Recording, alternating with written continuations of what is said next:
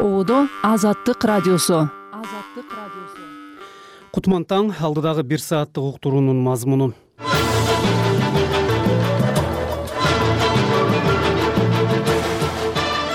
Орусиянын коргоо министри сергей шойгунун борбор азиядагы бейөкмөт уюмдар тууралуу сүйлөгөнү кремлдин чөлкөмдүн ички ишине кийлигишүү катары ысбатталууда ал арада орусияда мигранттарды жапырт текшерүү жана кармоо кайра күчөдү кабарчыбыз аталган өлкөдөн чыгарылган кыргызстандык аялдарды кепке тартты. Анан ал жерде мен бир жарым сутка жаттым бир жарым сутка жаткандан кийин сууда сурадык эч нерсе бербей коюшту да матраимовдорго тиешеси бар жогорку кызмат адамдарына чара көрүү талабы эми экс президент сооронбай жээнбековго жетти. Азыркы бийликте иштеп аткан адамдардын көбү матраимов менен түздөн түз байланышкан да. Менден башкасы деп коеюнбу бишкекте оор жүк тарткан автоунаалардын айдоочулары транспорт министрлиги кабыл алган токтомдогу айрым нормаларды өзгөртүүнү талап кылууда. Бул жана башка темаларга кеңири токтолобуз. Кечээ дүйнөдөн кайткан мурдагы депутат гүласал садырбаеваны эскеребиз. Ошондой эле арай көз чарай талкуу угабыз бүгүн жыйырма тогузунчу февраль студияда санжар эралиев азыр жаңылыктар рахат кеңешовадан рахмат бишкектин биринчи май райондук сотунун судьясы марат сыдыков ооруп калганына байланыштуу кечээ жыйырма сегизинчи февралда кемпир абад иши боюнча соттук отурум болгон жок. Ушундан улам кийинки соттук жараян алтынчы мартка белгиленди. Бул тууралуу азаттыкка ушул иш боюнча шек сан алып жаткан саясатчы жеңиш молдокматов менен активист эрланбек чоро уулунун адвокаты кантемир турдалиев билдирди. Кыргыз өзбек чек арасындагы кемпир абад суу сактагычынын жери өзбекстанга өтүп жатканына каршы пикирин билдирген жыйырма жети саясат активист жана укук коргоочу эки миң жыйырма экинчи жылы октябрда кармалган. Ушул тапта кармалгандардын ичинен он бир киши тергөө абагында калды калгандары түрдүү жагдайда үй камагына чыккан. Кемпир иши эки миң жыйырма үчүнчү жылы июнь айында сотко өтүп ички иштер министрлигинин тергөө башкармалыгы ага жашыруун грифин койгон. Милиция аларды бийликти басып алууга аракет кылган деп айыптоодо. Иш кылмыш жаза кодексинен жапырт башаламандык уюштурууга аракет көрүү бийликти күч менен басып алууга даярдык көрүү деген беренелеринин негизинде козголгон. Шектүүлөр мунун баарын саясий куугунтук катары сыпаттаган соттук жараяндар жабык өтүүдө айыпталып жаткандар отурумдарды ачык өткөрүү талабын коюп келишет президенттин иш башкармалыгынын жетекчиси каныбек туманбаев вечерний бишкек басылмасына интервью берип чүй облусунда электромобилдерди чыгаруучу заводдун иши жана ысык көлдөгү асман шаарынын курулушу боюнча бир катар суроолорго жооп берди. Туманбаев жыйырма сегизинчи февралда президент садыр жапаров ачылышына катышкан завод быйыл августтан тартып алгачкы машиналарды чыгара баштай турганын белгилеп келерки жылдан толук кубаттуулукта иштей турганын билдирди. Президенттин иш башкармалыгынын жетекчиси асман шаарынын курулушу токтоп калганын комментарийлеп ал иш да улантылаарын билдирди асман шаарын салуу май айында башталат. Токтоп калды деген туура эмес. Андан бери кагаз иштери жүрүп жатат. Инвесторлор тараптан техникалык экономикалык негиздемесин кайрадан иштеп чыгалы деген сунуштар болуп анысын кайрадан жасап жатышат. Азыр бүтөйүн деп калышты. Май айынан тартып инфратүзүмдү куруу башталат. Президент капсула салган бир дагы иш токтогон жок деди каныбек туманбаев. Кыргызстандын бийлиги ысык көлдүн жээгине экологиялык заманбап баардык шарттары бар шаар куруу ымагын эки миң жыйырма биринчи жылы жай айында билдирген болчу орусиялык оппозиционер саясатчы абакта белгисиз жагдайда каза болгон алексей навальныйды акыркы сапарга узатуу иш чарасы биринчи мартта москванын марина районундагы чиркөөдө өтөт. Бул тууралуу жыйырма сегизинчи февралда саясатчынын басма сөз катчысы кира ярмыш билдирди. Маркумдун сөөгү ошол эле күнү шаардын түштүк чыгышындагы борисов көрүстөнүнө коюлмай болгону маалымдалды.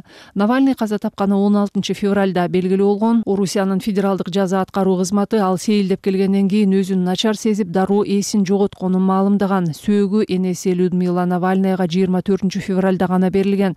Ал тергөөчүлөр навальныйдын тажыясын жашыруун өткөрүүнү болбосо абактын аймагына жерге берип салышаарын айтып ультиматум коюшканын билдирген. Навальныйдын командасы аны акыркы сапарга узатуу зыйнатын өткөрүүгө жай таппай жатканын айтып чыгышкан. Биз жеке жана мамлекеттик ритуалдык агенттиктердин коммерциялык аянтчалардын жана аза күтүү залдарынын көбүнө телефон чалып чыктык. Кээ бирлери бош эмеспиз деп жатышат кээ бирлери атын укканда эле баш тартууда деп билдиришкен алар. Орусиянын бийлигин президенти владимир путинди ачык сындап келген кырк жети жаштагы навальный камакта эки миң жыйырма биринчи жылдын январь айынан бери отурган кыргызстандын мамлекеттик салык кызматы ушул жылдын биринчи июлунан баштап өлкөдө патент менен соода саттык кылуу токтотулаарын эскертти. Мекеме патент менен иштеген ишкерлер ага чейин салык салуунун башка ылайыктуу режимдерине өтүшү керек экенин билдирип алардын тизмесин чыгарды.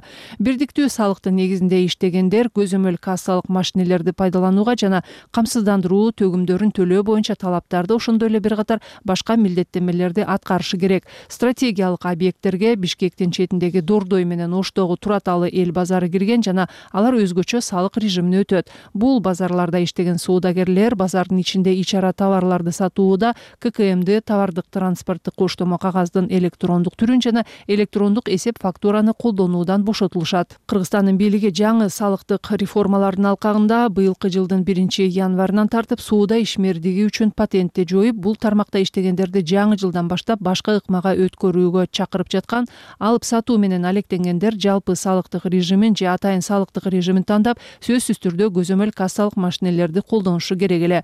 Бул мөөнөт жакындаган маалда эки миң жыйырма үчүнчү жылдын ноябрынын аягында жана декабрдын башында кыргызстандагы базарларда соода кылгандар ккм системасын киргизүүгө каршы нааразылык акциясын өткөрүп айрымдары иш ташташкан. Ушундан улам ккмди милдеттүү колдонуунун мөөнөтү биринчи июлга чейин жылдырылган болчу өткөн кылымдын отузунчу жылдарында репрессияга кабылган кыргызстандык үй бүлөлөрдүн тагдыры тууралуу баяндаган чалбасы кыргыздары документалдуу тасмасы чехиянын борбору прагада изилдөөчүлөрдүн чакан чөйрөсүндө көрсөтүлүп талкууланды. Сталиндик депортациялар кулакка тартылган жана украинага сүргүнгө айдалган кыргыздар деген темадагы дискуссияга тарыхчылар изилдөөчүлөр бул өлкөдө жашаган кыргызстандыктар катышты. Тасманы эсимде деп аталган изилдөө тобу эки миң жыйырма биринчи жылы украинанын бир катар аймактарын кыдырып кыргызстандын өзүндө да маектерди уюштуруп архивдик документтерди сүрөттөрдү күбөлөрдүн жана урпактардын эскерүүлөрүн изилдеп жүрүп тарткан. Кыргызстандын жыйырманчы кылымдагы жана жыйырма биринчи кылымдын башындагы көмүскөдө калган тарыхын изилдөөгө арналган эсимде долбоорунун негиздөөчүсү элмира ногойбаева жолугушуунун катышуучуларынын суроолоруна жооп берди. Тарыхый эс тутумдун адамзаттын келечек жашоосундагы маанисин белгиледи рахат кеңешова айтып берген бул жана башка кабарлардын толук топтому азаттык чекит орг сайтында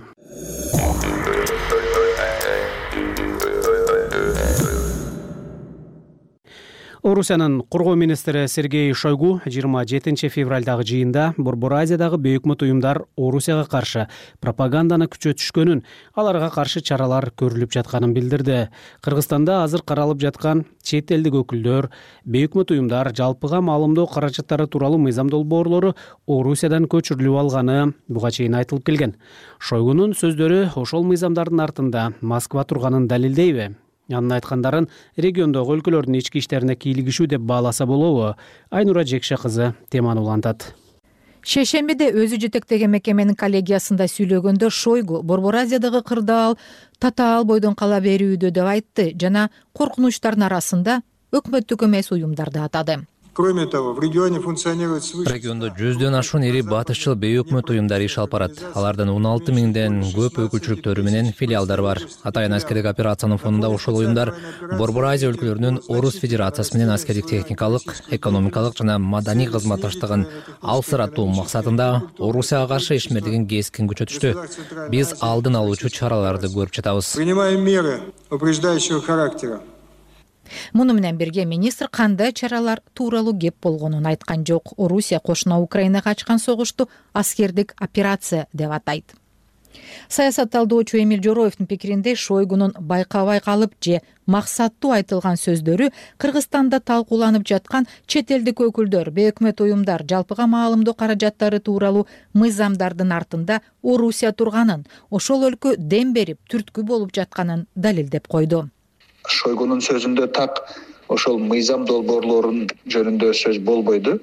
Ошону бирок антироссиялык маанай күчөдү жана ошого карата аракет кылып атабыз дегендин гана негизинде менимче биз албетте ошол ички биздин коомдук аракеттерге коомдук маанайга көз караштарга жалпы эле эркин талкууга болгон сырткы бир күчтүн мамлекеттин кийлигишүүсү бай калууда орусиянын өзүндө чет өлкөлүк агенттер тууралуу мыйзам эки миң он экинчи жылы кабыл алынган. Ага ылайык юстиция министрлиги чет жактан каржыланган жана саясий ишмердик менен алектенген коммерциялык эмес уюмдарды чет өлкөлүк агент деп тааный алат жергиликтүү юристтер ошол ишмердик аныкталган критерийлер мыйзамда так көргөзүлбөгөнүн белгилешет. Андыктан орус бийлиги жобого таянып агартуу маданият саламат сактоо экология адам укуктары чөйрөсүндө иштеген уюмдарды да куугунтуктай баштаган. Натыйжада көптөгөн бейөкмөт уюмдар жабылууга же ишмердигин чектөөгө мажбур болду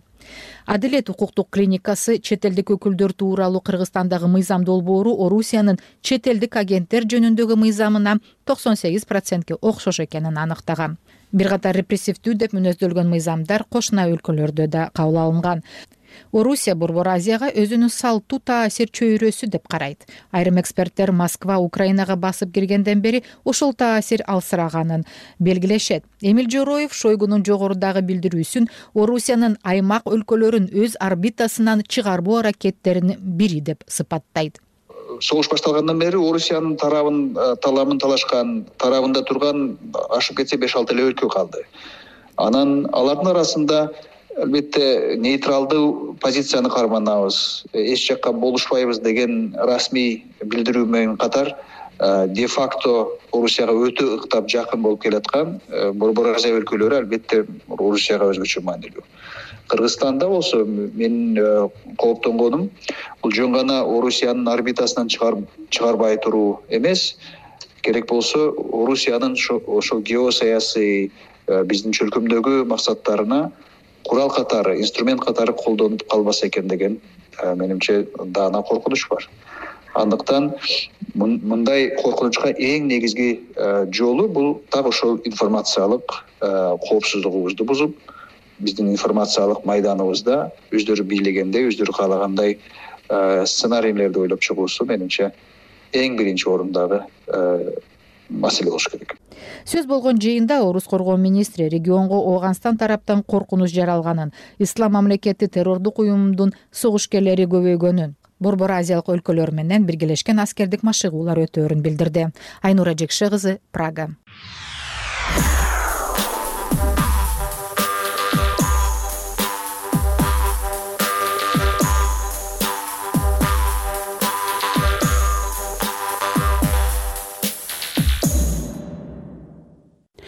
орусияда мигранттарды жапырт текшерүү жана кармоо кайра күчөдү айрым мигранттар диний жүйө менен өлкөдөн чыгарылып же басымга кабылганын айтышууда.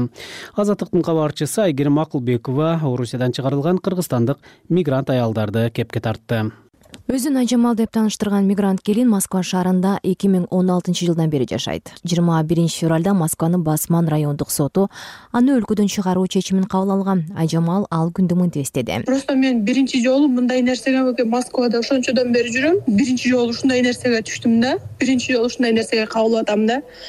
Анан мага кагаз берген он күндүн ичинде чыгып кет депчи. Мен эртең менен жумушка келаткам метродон ошо бир мени кармады түштүм ал жерде отурдум бир аз. Анан кагаз толтуруп эле отделенияга алып барышты. Анан ал жерде кыздардын полный жоолук соолугунан бери чечип сотко чейин жоолугу жок алып барышты да. Мен жоолугумду сурадым. Жоолугумду бересиңерби мен ушундай деп түшүндүрдүм да. Түшүндүрсөм вообще бербей коюшту да. Жок депчи. Анан ал жерде мен бир жарым сутка жаттым. Бир жарым сутка жаткандан кийин сууда сурадык. Эч нерсе бербей коюшту да айжамалды жана аны менен кармалган башка мигрант аялдарды сотко эки суткадан кийин алып барышкан соттун чечими боюнча алардын баары орусиянын аймагынан он күн ичинде чыгып кетиши керек эле. Мен ошол кагазга бирок түшүнгөн жокмун да мен кайра ошо кагазды бергенден кийин мен соттон сурадым да эме депчи. Мен границага кирди чыкты кылышым керекпи десем ооба кирди чыкты кылышың керек деп ошо айтты а бирок тиги кагазды только выезд деп жүрөт да. Айжамал москвадагы кафелердин биринде көп жылдан бери ашпозчу болуп иштейт. Азатка юрист соттун токтому боюнча айжамал кеминде беш жылга чейин орусиядан депортация болгонун билдирди орусиянын кара тизмесине кирген дагы бир мигрант келин психиатриялык ооруканага жаткырылып өлкөдөн чыгарылган. Алтынай москвадагы мигранттар жашаган хостел же жатаканада жашаган. Намаз окуп жоолук салынган келин ал жерде орус улутундагы жашоочулардан ыдык көргөнүн айтып берди. Хостелге жатсам аяктан орустар кыйын болуп ыдык көрсөтүшүп магачы ар баары биригип алышып ушинтип беришет экен да. Курица анан сен мындай жүрбөшүң керек деп мен кофе ичип мындай свободно жүрүп атам да аяктанчы как кыргызстанда жүргөнсүп элечи мындай? Неметсең эле ошентип курица анан анан понаехали деп элечи ушинтип элечи. Болбосо өздөрү деле ар кайсы областтан келген самарадан келишкен да ошол жака жатышат да. Ошентип алтынай январдын аягында москвадагы номер төртүнчү психиатриялык клиникага жаткырылган. Ал ооруканада эки апта жатканын айтып берди. Каяка алып барабыз эми тияктан чыгарып салды хостелден чыгарып салды мени камерага тыкпай эле коелучу больницага жаткырып салып анан туугандары келип алып кетет деп ушинтип койду да. Тиги дуркага алып барганда анан мен жатпайм деп ушинтип айтсам куда ты денешься? деп жалаң колун кескен кыздар менен жаттым колдорун кескен мындай мындай депрессия болгондор менен элечи. Биз менен маектешкен дагы бир кыргызстандык мигрант кыздын мекенине кайтарылганына бир жума болгон ал дагы ага чейин он алты күн москвадагы мигранттардын сахарова борборунда кармалып депортация болгон өзбекстан тажикстан кыргызстан үч мамлекет аябай көп. Эми башка мамлекеттерде эмес бирок эки үч ушундай эле байканар бар да? Адам эгерде мен үй бүлөм барып көрөйүн дегенде көргөнү отуз беш миң сурады. Эгер кызыңа апам көрө элек да меничи сурады отуз беш миң берсең кызың көрсөтөбүз деди.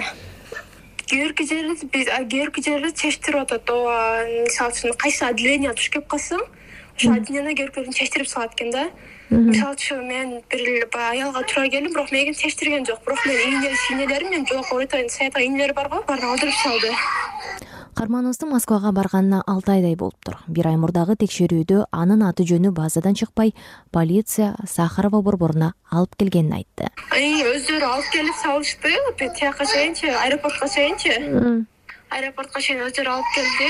Балдарды палубка жанагы менен наручник менен алып келишти. Балдарды чай кишилер алып келбеди бирок аэропортто где то беш сааттай турдук. Андан кийин өздөрү самолетко отургузуп коюп телефондорубуздан берилбеди. Анан самолетко анан телефондорубузду алдык да мигранттар менен иштеген укук коргоочулар соңку кезде орусияга барган мигранттар диний жүйөө менен өлкөдөн чыгарылган учурлар көбөйгөнүн ырастады. Юристтердин айтымында мындай учурда мигранттарга кеминде кырк беш жыл өлкөгө кирүүгө тыюу салынат. Эки жыл мурда украинада согуш башталганы орусияда эмгек мигранттарды текшерүү күчөдү көбүн борбор азиялыктарды жашап жаткан батиринен жумуш ордунан метродон текшерип мечиттерге күч менен кирип барган учурлар катталган. Мигранттардын айрымдарына аскерге чакыруу кагаздары берилсе кээ бирлери орусиядан чыгарылган жаңы жылга караган түнү санкт петербургда үч миң мигрант кармалып алты жүздөй үйүнүн документи туура эмес деп чыккан жүздөн ашууну орусиянын аймагынан депортацияланган. Айгерим акылбекова азаттык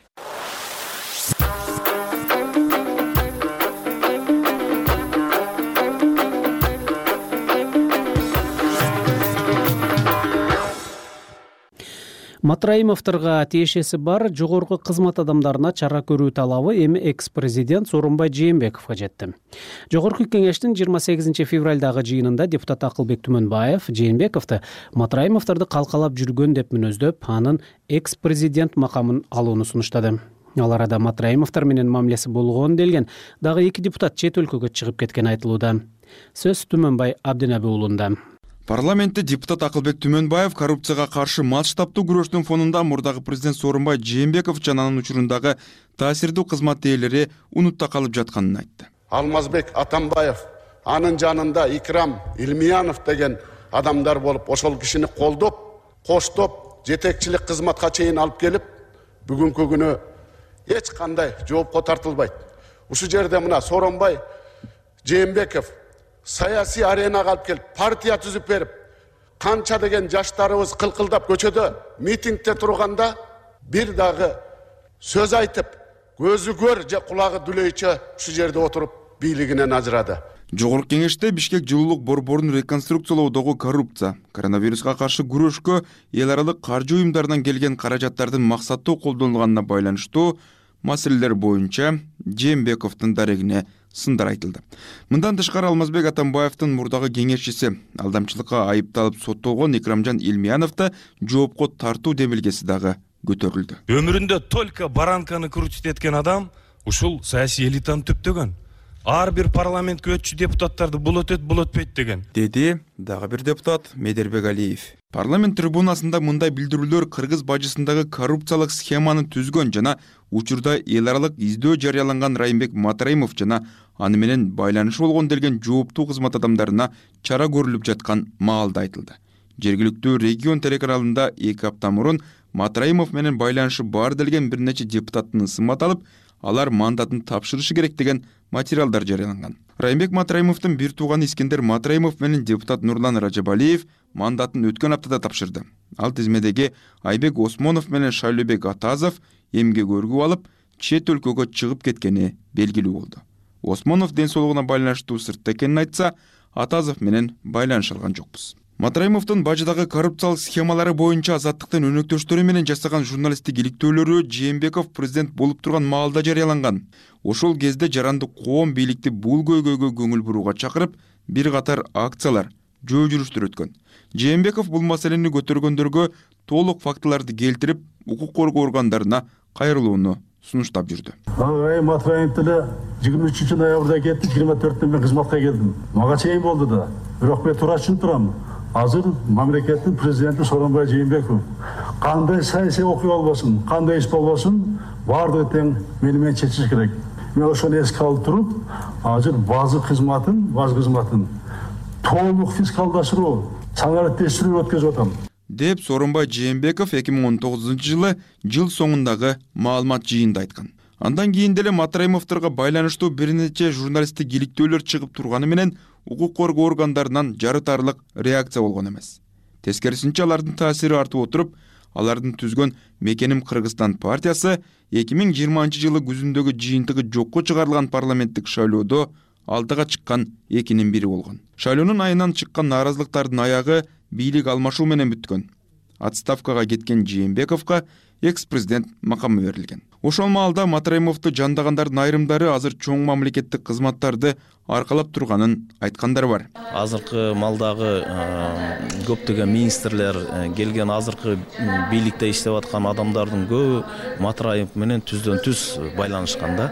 Менден башкасы деп коеюнбу анан ошондуктан канчалык матраимовдунга байланыштуу маселе болуп аткан болсо анда жанагындай толук кандуу карай берсин деди жогорку кеңештин депутаты тазыбек икрамов. Сооронбай жээнбековдун экс президент макамын жокко чыгаруу боюнча маселе парламентте буга чейин утур утур көтөрүлүп келген. Бирок аны ишке ашыруу боюнча конкреттүү аракеттер жасалган эмес. Бул ирет депутат түмөнбаев төрагалык кылган элдик депутаттык тобу жээнбековдун макамынан ажыратуу боюнча депутаттык комиссия түзүү чечимин чыгарып парламент төрагасына кат жолдогону белгилүү болду. Комиссия түзүү маселеси парламенттин жыйырма тогузунчу февралдагы отурумунда каралып калышы мүмкүн. Жарандык активист перизат саитбурхан жээнбековдун макамына байланышкан маселе терең талданып талкууланып чечилиши керек деген ойдо сооронбай жээнбековдун статусун алаардан мурда. Жогорку кеңеш азыркы кылып аткан баардык иштерин кайсы бир мыйзамдуу талаада жүргүзүш керек. Себеби дегенде биз буга чейин көрүп атабыз. Мына бүгүн эле анан бирдеме жакпай калса эртеси күнү аны жумуштан кетирип э, депутаттык мандатынан алып анан мындай бат баттан мыйзамсыз э, түрдө жүргүзүлүп атат да. Сооронбай жээнбеков өзүнүн дарегине айтылган сын дооматтар жана анын экс президенттик макамынан ажыратуу тууралуу аракеттери боюнча комментарий бере элек түмөнбай абдинаби уулу азаттык бишкек жогорку кеңештин мурдагы депутаты гүласал садырбаева жыйырма сегизинчи февралда жетимиш эки жаш курагында инсультка чалдыгып каза тапты. Маалыматты маркумдун жакындары ырасташты коштошуу зыйнаты биринчи мартта туулуп өскөн жери нуукен районунда болот. Гүласал садырбаева белгилүү кинорежиссер акын жана прозачы жогорку кеңештин бир нече чакырылыштарынын депутаты коомдук ишмер кыргыз эл баатыры доорунбек садырбаевдин бир тууган карындашы. Жакында эле садырбаев тууралуу азаттык тарткан эскерүүдө гүласа садырбаева сүйлөп берген эле. Аны менен кабарчыбыз токтосун шамбетов маектешкен. Бүгүн эми доорунбек аганы кандай деп эскерет элеңиз айрыкча саясаттагы маданияттагы чыгармачылыктагы анын орду баягы садырбаевдин ким экенин билбеген кыргыз жок болсо керек кыргызстанда. Баягы жигитке жетимишүүнө ыраазылык кылат дегендей өтө көп тараптуу инсан болчу. Баардык жагынан э, чыгаан саясатчы көрүнүктүү мамлекеттик маданият кызматкери чыгарган кинолору тарткан кинолору эмгиче актуалдуулун э, жоготпой келатат. Боорукер бир тууган негизи жакшы. Ошол убакта жогорку кеңеште э, азыр мамлекеттик касманбеков аппарат жетекчиси болуп бирге иштеп ошол киши көп айтат. Э, акамдын көп сөздөрү эмгиче пайдаланып келеатат айрыкча бир он чакты баягы сөздөр садырбаевдин калемине таандык сөздөр болуп келеатат да.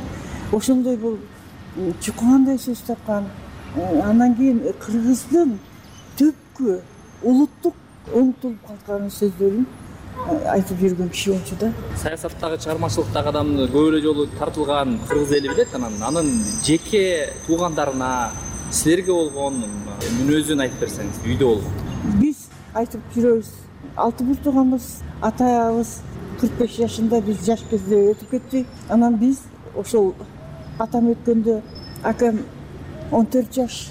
Биз ата дегенди билбей ошол акамды ата катары көрүп калдык да анан ал киши өтө боорукер эч качан үйүнөн көтөрүп чыгарган киши бир туугандарына жаман айтып же болбосо бир көңүл калтырган э, киши эмес да. Тарбиялоонун эң э, жогорку ыкмасын жакшы билчү да. Эгерде кандайдыр бир туура эмес иш кылып койсок сүйлөбөй кичине өңүнөн билгизип анан сүйлөбөй койгондо эле биз сезип калат элек ошондой туура эмес иш кылып койдук окшойт. Анан кийин баарыбызды окупту бирөөгө жалынып э, ушул карындашым же ушул инимди окууга өткөзүп коеюн деп андай андай жолго барган жок. Баарыбыз жогорку билимдүү болдук.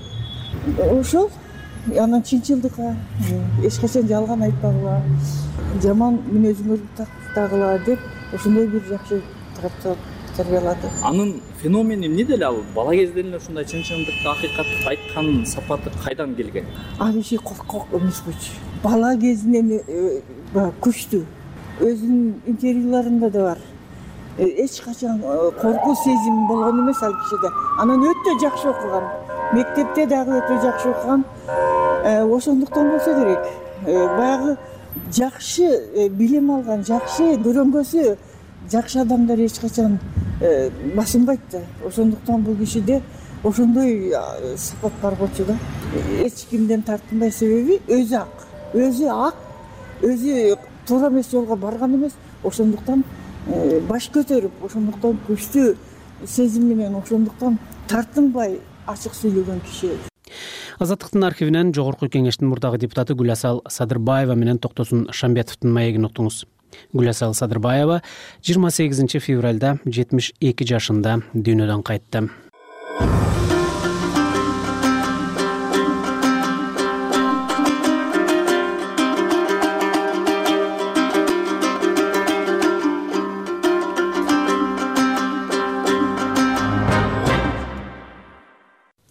жыйырма жетинчи февралда бишкекте оор жүк тарткан автоунаалардын айдоочулары митинг өткөрүп ашыкча жүктүн ченемине жана айып пулга нааразылык билдиришти. Алар транспорт министрлиги кабыл алган токтомдогу айрым нормаларды өзгөртүүнү талап кылууда. Мунун алдында оор жүк ташууда эреже мыйзамдарды бузгандарга мындан ары жаза катаалдаганы айып пулдун өлчөмү көбөйгөнү эскертилген эле министрлик айрым оор жүк тарткан унаалар карьерлер менен курулуш аянтында гана иштөөгө багытталганына карабай жүк ташып жолдорду бузуп жатканын ченемдерди сактабай иштеп жүргөнүн жүйө тартууда. Кененирээк кабарчыбыз кундуз кызылжарова айтып берет өкмөт токтомунда унаага жүктүн көлөмү он тоннадан ашпашы керек деген талап коюлган. Нормадан ашыра жүк салганы үчүн айдоочуларга жеке жак катары он жети миң беш жүз сомго юридикалык жак болсо элүү беш миң сом айып пулга жыгылат. Мындай эрежелер транспорт жана коммуникациялар министрлигинин эки миң он биринчи жылы чыккан токтомунда жазылган. Бирок ал башка мекемелердин талаптарына каршы келерин айдоочулар мындай деп түшүндүрүүдө. Мисалы унаа государственный регистрационный служба техпаспортто жазып берип жатышат. Он беш тонна хованын салмагы жыйырма беш тонна жүк көтөрөт деп. Ошол эле учурда төрт жүз элүү төртүнчү токтом жазып атат. Общий салмак грузу менен жыйырма беш тонна депчи. Ушул жерде баягы карама каршы болуп атат да. Деп айтты кыргыз хова транспорт бирикмесинин төрагасы абазбек доронбаев өлкөгө хова үлгүсүндөгү оор жүк ташуучу унаалар эки миң он экинчи жылы кире баштаган. Мындан улам эки миң он биринчи жылы чыккан токтомдун негизинде алардын ишине уруксаат берүү туура эмес деп эсептешет айдоочулар. Мындай унаалар адатта көмүр кум шагыл жана курулушка керектелүүчү таш топурак ташууда пайдаланылып алар өлкө аймагынан чыкпай иш алып барат эки миң он алты эки миң он жетинчи жылдын статистикасына ылайык кыргызстанда мындай унаалардан он эки миңи бар деп айтылган. Андан бери алардын саны дагы үч төрт миңге көбөйүшү мүмкүн.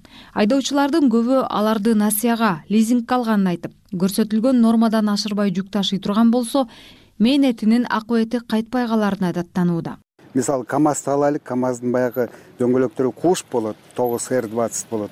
Аларды болсо нагрузкасы башка хованын дөңгөлөктөрү он эки р двадцать турат. Булардын баягы дөңгөлөктөрү дөңгөлөктөрү жазы площадь соприкосновенияларынын баары баягы башкача да бизде кыргызстаныбызда жолдор он килограммга салынганда нагрузканы мага көтөрөт асфальт. Деп кошумчалады кыргыз хова транспорт бирикмесинин төрагасы абазбек доронбаев транспорт жана коммуникациялар министрлиги эки миң он биринчи жылдын августунда кол коюлган. Номер төрт жүз элүү төртүнчү токтом жыл сайын жаңыланып толуктоо жана өзгөртүүлөр киргизилип турарын айтууда.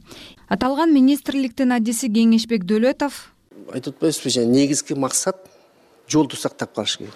Жол биз эле үчүн эмес ошол эле автоунаа айдаган айдоочулардын өздөрүнө да керек эки миң жыйырма үчүнчү жылдын он эки айында оор жүк ташуучу унааларга укук бузуулар кодексинин жүз сексен биринчи беренесинин негизинде бир миң беш жүз кырк эки протокол түзүлүп жыйырма тогуз миллион айып пул салынган жолго келтирилген зыяндын ордун толтуруу боюнча отуз төрт миллион сом чогултулган. Арыз эми ал көп тараптуу түрдө каралат. Бул жерден алардын коюп аткан маселесин транспорт органдары эмес жол салган органдар менен чогуу каралат. Анын баары теңчи. Деди транспорт жана коммуникациялар министрлигинин адиси кеңешбек дөөлөтов жогорку кеңештин транспорт коммуникациялар архитектура жана курулуш боюнча комитетинин мүчөсү депутат тазабек икрамов өкмөт оор жүк ташуучу унааларга байланыштуу маселе аларды өлкө аймагына киргизүүгө уруксаат берердин алдында каралышы керек эле деген пикирде. Ал ошондой эле жолдордун сапатын эске алуу менен хова өлкөсүндөгү унааларды башкарган жеке компанияларга жылына мамлекетке үзгүлтүксүз төлөмдөрдү төлөп туруу милдеттендирилиши керек же айып пулдан бошотулушу керек деди кыргызстанда он сегиз миң чакырымдан ашык унаа жолу бар. Ал эми оор жүк ташуучу унаалардан жүз миңге чукул катталган. Транспорт министрлиги айрым оор жүк тарткан унаалар карьерлер менен курулуш аянтында гана иштөөгө багытталганына карабай жүк ташып жолдорду бузуп жатканын ченемдерди сактабай иштеп жүргөнүн айтып келет кыргызстандагы кан жолдордо жалпысынан салмак көлөмдү көзөмөлдөгөн жыйырмадан ашык бекет бар. Жакында эле транспорт министри тилек текебаев мындай бекеттерди күтүүсүз текшерип жүк ташууда эреже мыйзамдарды бузгандарга мындан ары жаза катаалдаганын айып пулдун өлчөмү көбөйгөнүн эскертти. Кундуз кызылжарова азаттык бишкек жалал абад маданият техникумунун айрым кызматкерлери жетекчиликке нааразылык билдирип жумуштан кеткени кабарланды. Бирок окуу жайдын жетекчиси мындай маалыматты четке кагып өз арызы менен үч кызматкер иштен кеткенин билдирди. Азыркы жетекчи абджалил таштанов аталган окуу жайды бир миң тогуз жүз токсон төртүнчү жылдан бери жетектеп ортодо маданият министрлигин соттон утуп чыгып үч жолу кайра жетекчилик ордуна кайтып келген. Талгат абджалил уулунан толугураак угабыз мен өзүмдүн иниме тарбиячы коем деп мага арыз жаздырды. Барчынай парпиева эки миң жыйырма үчүнчү жылдан тарта жалал абад маданият техникумунун жатаканасында тарбиячы болуп иштеп баштаган. Анын жолдошу дагы аталган жайда дене тарбия мугалими экен. Ал жакында эле кайра соттон утуп жетекчи болуп келген абджалил таштанов жолдошу экөөнү тең мажбурлап жумуштан өз эрки менен деп арыз жаздырып кетиргенин айтууда. Менин үч балам бар. Мен эки миң жыйырма үчүнчү жылдын он алтынчы августунда жалал абад маданият техникумунун жатаканасына тарбиячы болуп ишке киргенмин. Азыркы күндө таштанов абдыжалил агай келди он алтынчы февралдан ал агай келгенден кийин уже бизди зордоп да мындайча айткандачы мен өзүмдүн иниме тарбиячы коем деп мага арыз жаздырды. Мен арыз жазып бердим. И менин жолдошум дагы ал жерде иштечү. Дене тарбия мугалими болуп ал да арызын жазды. Ошентип азыр жумушу жок калдык. Жалал абаддагы маданият техникумун бир миң тогуз жүз токсон төртүнчү жылдан бери жетектеп жүргөн алтымыш жети жаштагы абджалил таштанов өткөн жылы жумуштан кетип кайра соттон утуп жетекчилик кызматына келген. Ал өзү буга чейин дагы үч жолу кызматтан алынып кайра маданият министрлигин соттон утуп келгенин айтып жатат. Бул төртүнчү жолу кызматына кайтып келиши болгонун билдирди. Окуу жайда иштеген айрым кызматкерлер таштанов келери менен үч мугалим жумуштан кетип жаңы орун басар дайындалганына даттанууда. Бирок таштанов бул маалыматты четке какты баягы соц тармакта берип атышат. Алтоого кетти тигине эмне деп бул ложь жалган. Мына биринчи өзү өзүнүн арызы менен директордун орун басары кетти анан физкультура мугалими менен э, воспитатель кетти арыз жазып атса мен кол койбодум мында дагы незаконный мени незаконный уволить кылган. Ошону ради справедливости соттоштум. Ошону восстановили мне сот. Мен больничный жатса справка бюллетенди бюллетенди мин культура мин э, мвд прокуратура бүт бар текшеришти фальшивыйбы же настоящий? Настоящий болуп чыкты. Анан результаты соттон утулду. За всю историю бир гана туалет курулуп атат минкультураны берген бизге берген жардамы. Эже мына крышаны алмаш дедим мен. Анан бүт барды мына ар бир жайындасы текущий ремонт кылабыз. Өз күчүбүз менен. Башка эле жок. Алты миллион жети миллиондук капитальный строительство капремонт жаскан проект чыккан турат министерствода. Берген жок маданият техникумунун имараты жана жатаканасын оңдоп түзөөгө муктаж болуп турат. Окуу жайда эки жүздөн ашуун бала билим алат. Таштанов окуу жайды оңдоого министрлик көңүл бурбай жатканын айтууда. Эки миң жыйырма биринчи эки миң жыйырма экинчи жылдар аралыгында төрт ай директорлук кызматта турган. Аймактагы таанымал дирижер дүйшөнбек молдобаев кадрлык маселе маданият техникумун талкалап бүттү деп нааразы болууда.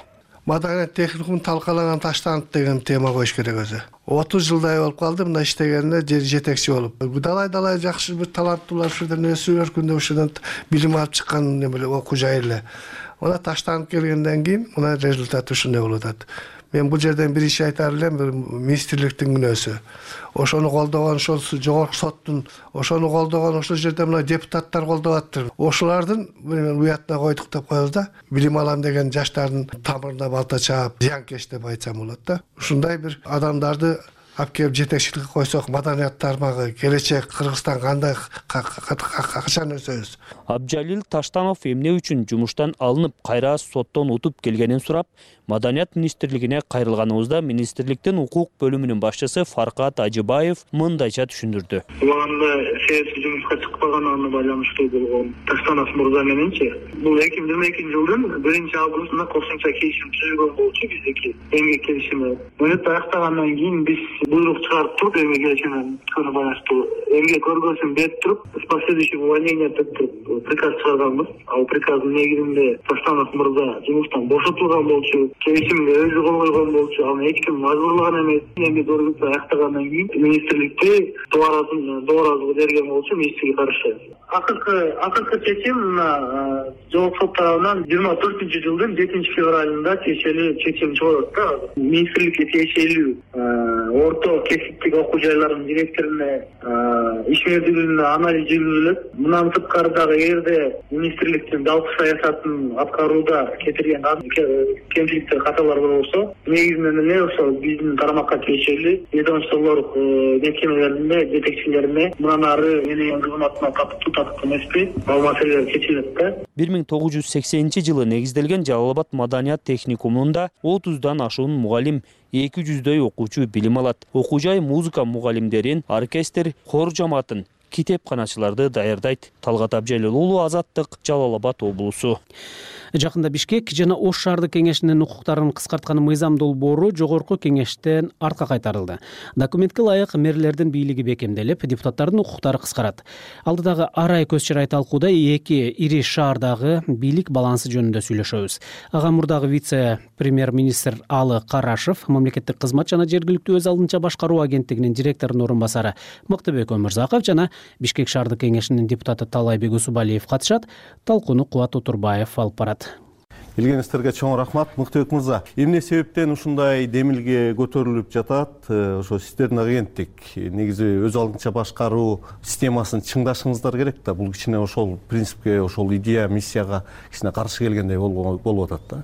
Саламатсыздарбы? Биринчиден конституцияга ылайык министрлер кабинетинин төрагасы тарабынан жогорку кеңешке киргизилген. Бул жогорку кеңеште каралып биринчи окууда э, четке кагылды. Жетимиш бир добуш менен. Эми бул жерде э, бир тараптуу эле мэрдин бийлиги чыңдалып кеңештин укуктары чектелип атат деген эме макул эмесмин. Себеби бул жерде бир нече мыйзамдарга пакети менен өзгөртүүлөр киргизилген. Анын ичинде бюджеттик кодекске бул э, үч жыл баягы бюджети прогноздогон үч жыл деген беш жылга узартылган. Андан сырткары бир нече мыйзамдарга өзгөртүүлөр киргизген ошонун ичинде пакеттин ичинде. Борбор шаарынын статусу жөнүндө мыйзамга жана ош шаарынын статусу жөнүндө мыйзамга өзгөртүүлөр каралган. Бул мыйзамда өзгөртүүлөр болгону мэрдин укуктарын эч кандай кеңейтпейт. Болгону шаардык кеңештердин бишкек ош шаардык кеңештеринин баягы жетекчилерге ишеним көрсөтпөө жөнүндөгү нормада ошол мэрге ишеним көрсөтпөсө болот ал ошол жергиликтүү өз башкаруу органынын жетекчиси катары. Ал эми анын структуралык башкармалык бөлүмдөрү бар да түзүмдөрү бар департаменттери бар башкармалыктары бар бөлүмдөр бар. Андан сырткары мамлекеттик органдардын шаардык структуралары бар башкармалыктар бөлүмдөр. Ошолорго ишеним көрсөтпөөнү бул шаардык кеңештерден алып койгонбуз. Бир нече негиздерден улам өзү негизи принцибинде саясий басым болбош керек. Административдик кызматка мен жогоруда айткан кызматтардын баары административдик кызматта турат дагы ал эми шаардык кеңештердин депутаттары бул саясий кызматкерлер болот. Ошондуктан саясий кийлигишүү болбосун. Саясий кызматты ээлеген адамдар саясий кысымды саясий кызматты ээлеген мэрге көрсөтсө болот. Баардык маселе боюнча ошол программаны аткаруу боюнча бюджет аткаруу боюнча кеңештердин мэрлерге ишеним көрсөтпөгө толук укуктары сакталган. Ал алга эч ким тийишкен да жок мына ушундай да. Рахмат. Аны туура түшүнүш керек. Ал мырза мына соңку убакта бир катар айылдар айыл өкмөттөр ирилештирилип кээ бирлери жоюлду да. Анан деги эле ошо административдик аймактык реформа ошо кандай башталды кандай жүрүп атат ушу кандай болуш керек ушуга пикириңиз кандай сиздин административдик аймактык реформаны биз мына отуз жыл эгемендүүлүгүбүздөн бери бир нече жолу мындай бир аракеттер болуп келген. Бул ушу эки миңинчи жылдардан баштап эки миң жетинчи жылы он экинчи жылы келип эле концепциялар кабыл алынган бир эмес эки концепция кабыл алынган биринде ошол айыл өкмөттөрдөн баштап бирлештире баштайбыз экинчисинде областтан баштайбыз деп бир деңгээл керекпи керек эмеспи деген дагы коомдо абдан көп мындай кайчы пикирлер да айтылып келген да бул жөнүндө. Бирок мына тилекке каршы ошол эки концепция тең аягына чейин ишине ашпай биринчи концепциябыз эки миң жетинчи жылы такыр эле аягына ишке ашкан эмес. эки миң он экинчи жылы областтык деңгээлде гана бир нерсе өзгөртүүлөр болуп анан ал реформасы да токтоп калган да. Мындайча айтканда дайыма эле келгенде ар кандай шылтоолор менен шайлоо өтсүн анан эл мындай болот мындай деген эле көп ойлор пикирлер айтылып келген болчу. Токтотулуп келген да. Анан мына эки миң жыйырма экинчи жылдан баштап бизде мына президентибиздин жарлыгы менен пилоттук деп туруп ысык көл областынын түп районунда анан эки миң жыйырма үчүнчү жылдын апрель айында президентибиздин жарлыгы менен нарын областында деп туруп ошол жерде административдик аймактык реформа башталды же болбосо ирилештирүү башталды. Практикалык жүзүндөгү биринчи мындай чечкиндүү бир алдыга кадам болду да жоопкерчилик болду буга чейин мындай болгон эмес. Анан ошол эле мезгилде бул административдик аймактык реформа дегенден кийин мен үч төрт нерсеге токтолуп кетким келет. Биринчиси жөн эле механикалык түрдө эле ирилештиребиз ирилештиребиз бирине бирин кошобуз деп эле кошуп койгонго мен кошула албайт элем да жөн эле кошконгочу аны биринчиден биз билишибиз керек эмне себептен кошуп атабыз? Негизгиси алдыга койгон максатыбыз эмне? Концепциябыз кандай? Алдын ала эмнени көрө алабыз? Биз ошондой турган болсок бизге кандай жыйынтык берет? Эффекти кандай болот анын? Анан негизги ар бир мамлекеттик башкаруунун өз алдынча башкаруунун дагы түздөн түз ошо милдети ошо жеринде элдүү пункттарда жашаган калкка жашоосуна шарт түзүп берүү жашоо деңгээлин көтөрүү да. Мына ошолорго жооп береби ошонун жыйынтыгын эмнени ала алабыз деген биринчиден суроо туулуп атат да. Анан экинчи жагын айтып кетет элем биринчиден мына ошол пилоттук деп аталганда аталышы айтып турбайбы? Ошо пилоттук ошол жерде көрөлүк кандай болот тажрыйбасын көрөлүк депчи.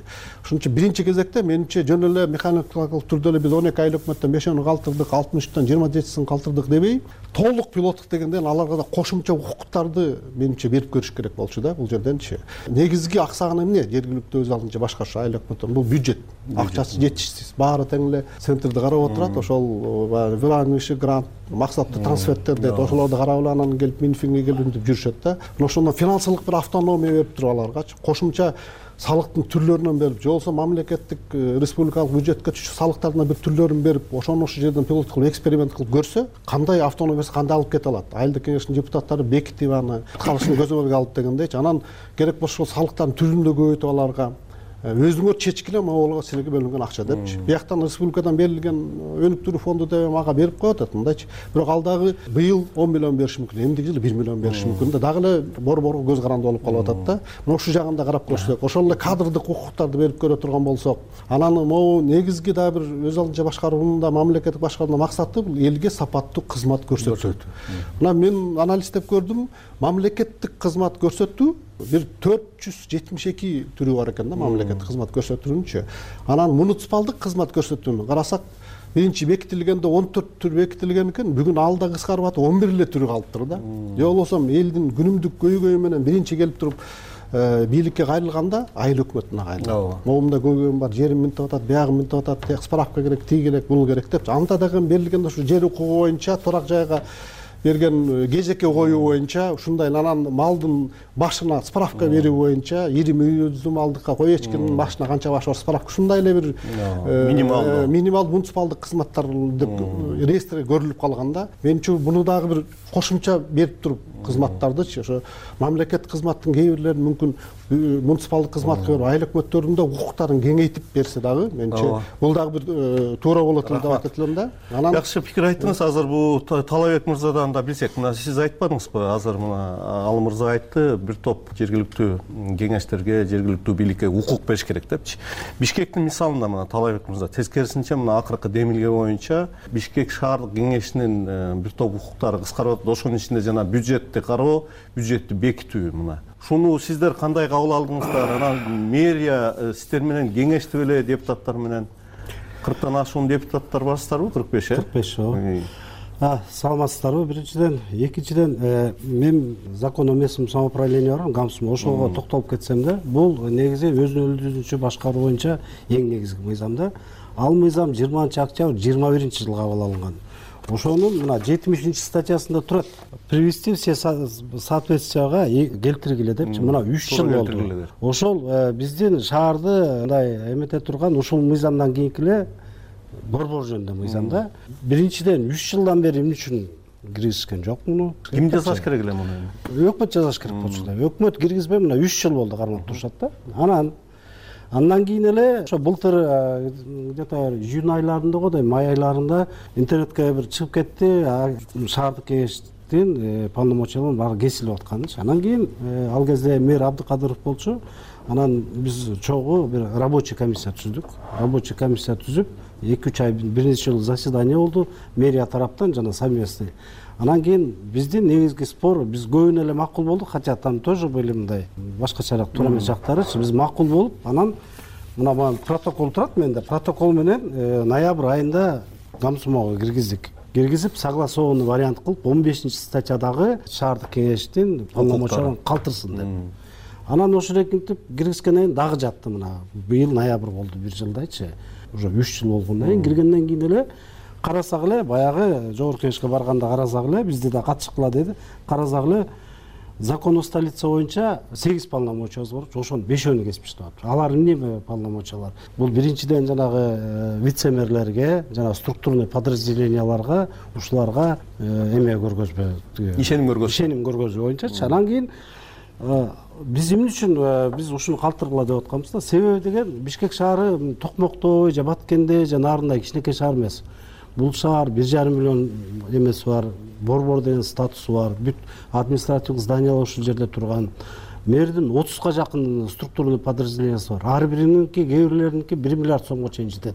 Бир бюджетичи мисалы үчүн ушул эле бишкек асфальт сервис. Андан тышкары э, то есть э, он сегиз он сегиз структурный эме муниципальный предприятиясы бар дагы он үч э, структурный подразделение. Жанагы думи жер боюнча тигүү дегенчи мына хаотичный застройка боюнча архитектура боюнча кандай маселелер бар да? Беш вице мэр бар төрт аким бар ар бир аким бир областтай да? Ооба туура бул жанагы негизги мыйзамда мэрге ишеним көргөзбө бар.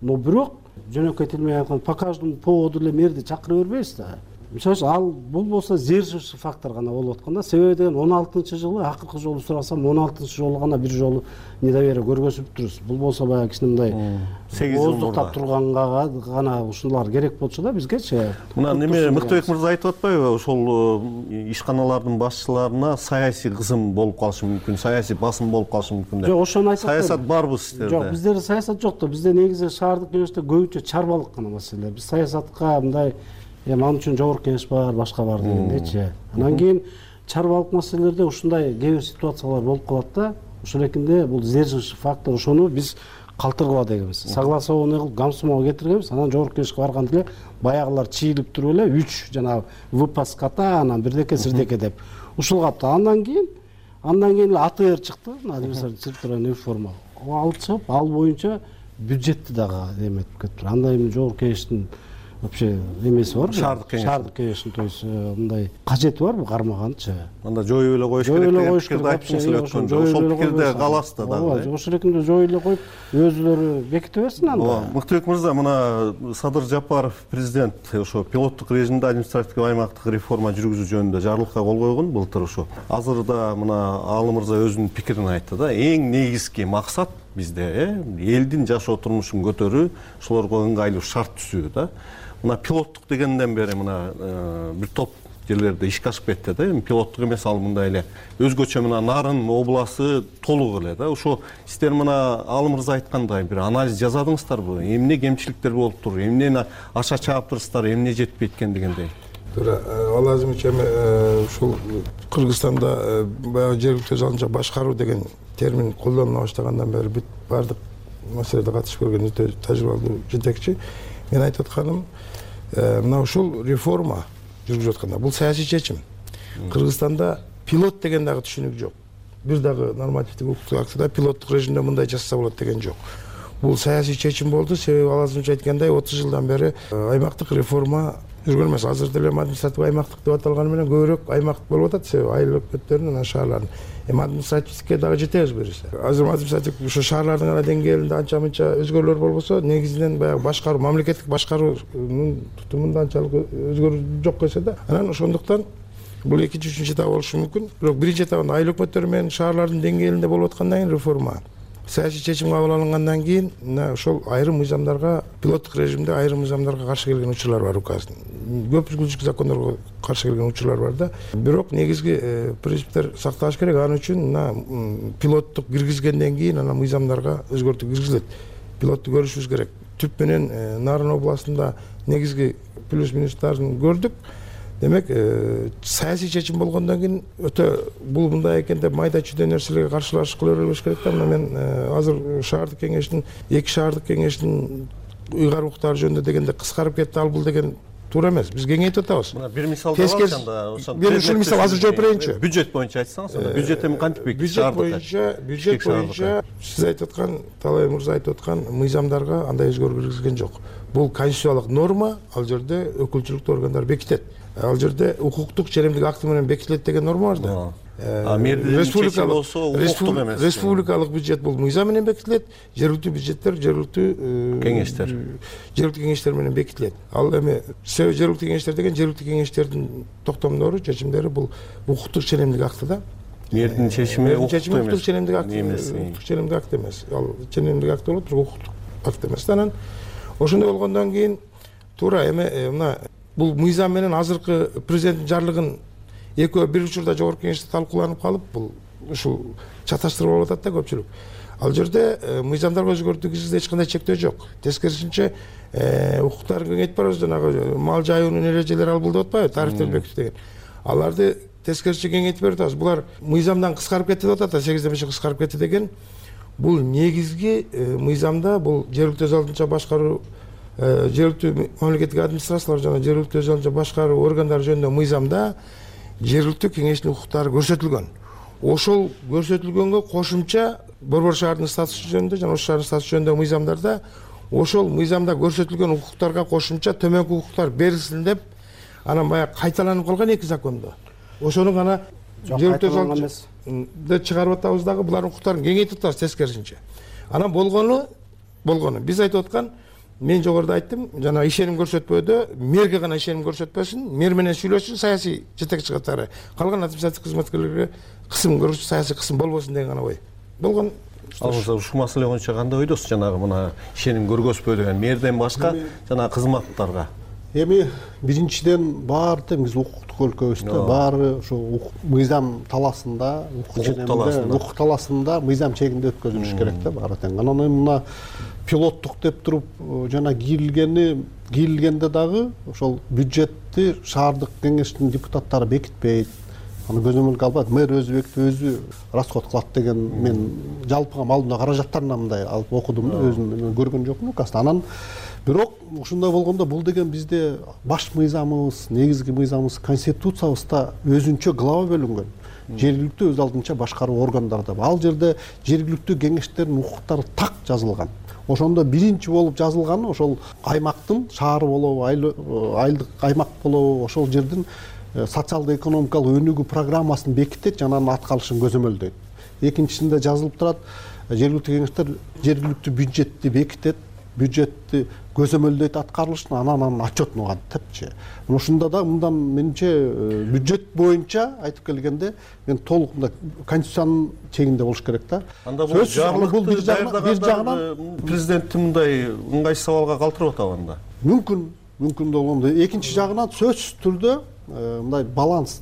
Орусча айтканда система сдержек противовесов дейт да. Сөзсүз түрдө бир мындай тең салмактоо э, э, тең салмактуулук сакталып туруш керек. Ооздукту тең салмактап анан сөзсүз түрдө ошондой талаш болгондо кайчы пикир болуп айтылганда анан алдыга жылуу болот да. Баарын тең бир жерде берилип калган болсо тактоо киргизип коеюн э, менимче кичине туура эмес болуп калат. Ал эми экинчи маселе мен айтып кетейин экинчи маселе жанагы кадрдык маселе боюнча бул дайыма эле мындай көп жерде ушундай айтылып келет да. Кадрдык маселе кадрдык маселе. Мына биз парламенттик башкаруу системасына өттүк деп эки миң онунчу жылдан бери эки мөөнөт аны да көрдүк мындай алып карагандачы ал жерден дагы келгенде эле бүт фракция фракциялар бөлүнүп алып туруп депутаттар бул кызмат меники бул бир бураска калгандай да мындайчы бул бул биздики бул айыл өкмөт бөлүштүргөндөй эле бөлүштүрбөдүбү бөлүштүрүп өттүк да башкысынан өттүк мен да мына өкмөттө иштегенде болчу ошондойчу келип туруп бир кызмат орун бошсо бир жыйырма киши жыйырма беш кишинин резюмеси келет анын бирөөнү эле дайындайсың да анан кандай ушундай талаш болуп да жумушка да көп тоскоолдук болгон да мындай мезгилдечи ошол эле мезгилде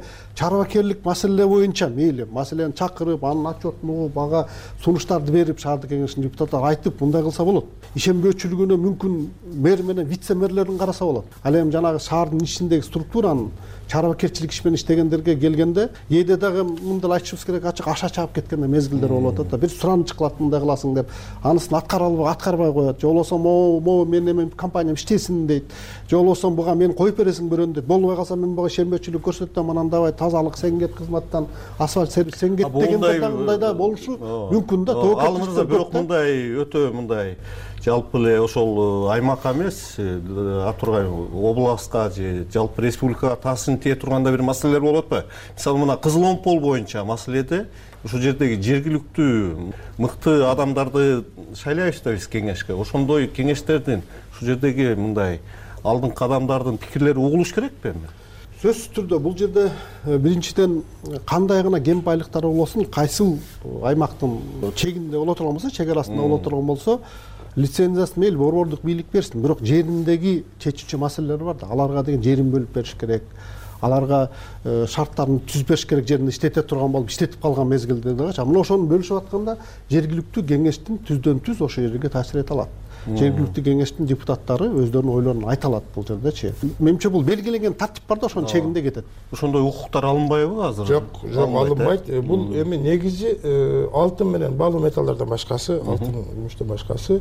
Ошол лицензия алгандан баштап лицензияны кармап турган үчүн э, айыл өкмөттүн бюджетине акча төлөп туруш керек алар өзү лицензия алган компаниялар бирок кээ бир фактылар бар эми чынында айыл өкмөттөр айыл кеңештер болсо айыл өкмөттөр өздөрү билбей калган учурлар бар лицензиялар берип кеткен учурлар бар. Бирок э, бул нерсе эми э, мыйзамдык деңгээлде алганда э, проблема жок. Ошол жоболорунда деле көрсөтүлгөн айыл өкмөткө кабар бериш керек башка кылыш керек айыл өкмөт айыл кеңештин макулдугу менен болуш керек себеби жер берилип атат да. Ал жер биринчи лицензия мисалы үчүн баягы чалгындоого берилет. Анан чалгындоо канча жылга созулат деген маселелер бар да ал жерде. Анан түз эле барып казып кирбейт да ошон үчүн.